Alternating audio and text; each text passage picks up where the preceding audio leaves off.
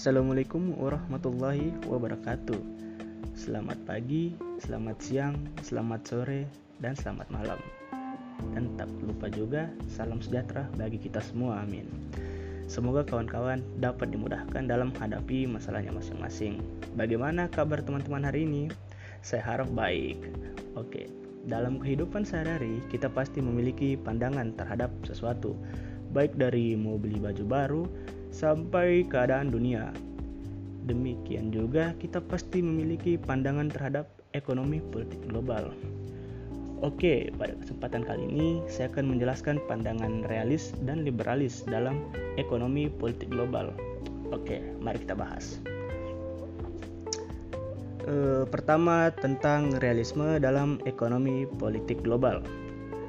Eh, realisme berasumsi bahwa negara atau bangsa adalah aktor geografis yang bersatu dalam sistem internasional anarkis tanpa lembaga apa pun di atasnya yang mengatur interaksi antar negara. Realisme juga berasumsi bahwa negara berdaulat adalah aktor utama dalam hubungan antar negara, bukan organisasi antar pemerintah, IGO, lembaga swadaya masyarakat, NGO, atau perusahaan multinasional, MNC Negara bertindak sebagai aktor otonom rasional yang mengutamakan kepentingan nasionalnya untuk mempertahankan dan menjamin keamanannya sendiri, kedaulatan, dan kelangsungan hidupnya. E, realisme berpendapat bahwa untuk mencapai kepentingannya, negara akan berusaha mengumpulkan sumber daya dan hubungan antar negara ditentukan oleh tingkat relatif kekuasaannya uh, hubungan antar negara yang dimaksud seperti ekspor dan impor barang dengan tujuan untuk mendapat keuntungan sebesar-besarnya. Uh, yang unik dari sini sistem realis ini, negara dapat mengintervensi dalam pasar bebas dengan cara melakukan proteksi terhadap pasarnya. Ya, yang gimana itu namanya proteksi pasar?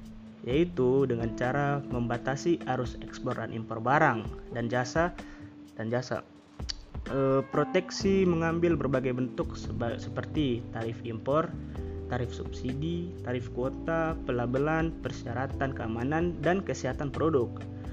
Tujuannya adalah untuk melindungi kepentingan perekonomian domestik, misalnya melindungi produsen lokal dari persaingan impor. Seperti kita tahu bahwa barang-barang dari impor pasti lebih bagus, tapi itu nggak sepenuhnya benar sih kawan-kawan.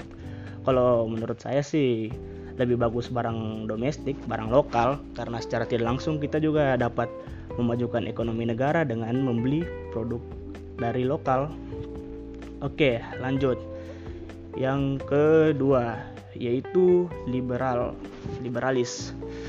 E, pada mulanya liberalis merupakan teori ekonomi politik yang terlahir sebagai bentuk perlawanan terhadap eksploitasi negara. Jadi guys, Eh, liberalis ini merupakan kritik terhadap besarnya peran negara dalam suatu sistem perekonomian yang diartikan sebagai bentuk kekangan negara terhadap kebebasan individu sehingga menghilangkan potensi dari individu tersebut untuk meraih kemakmuran. Padahal kaum liberalis beranggapan bahwa manusia bersifat mau bekerja sama dan konstruktif.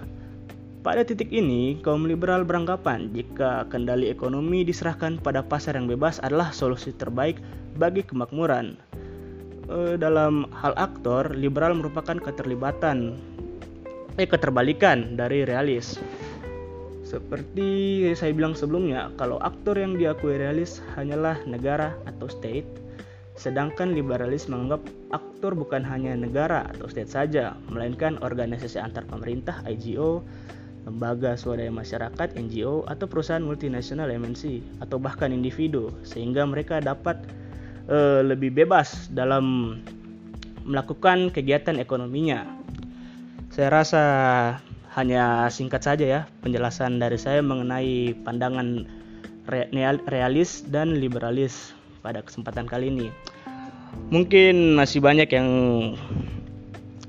masih banyak yang keliru tentang podcast saya kali ini karena ini merupakan pertama kali saya melakukan podcast.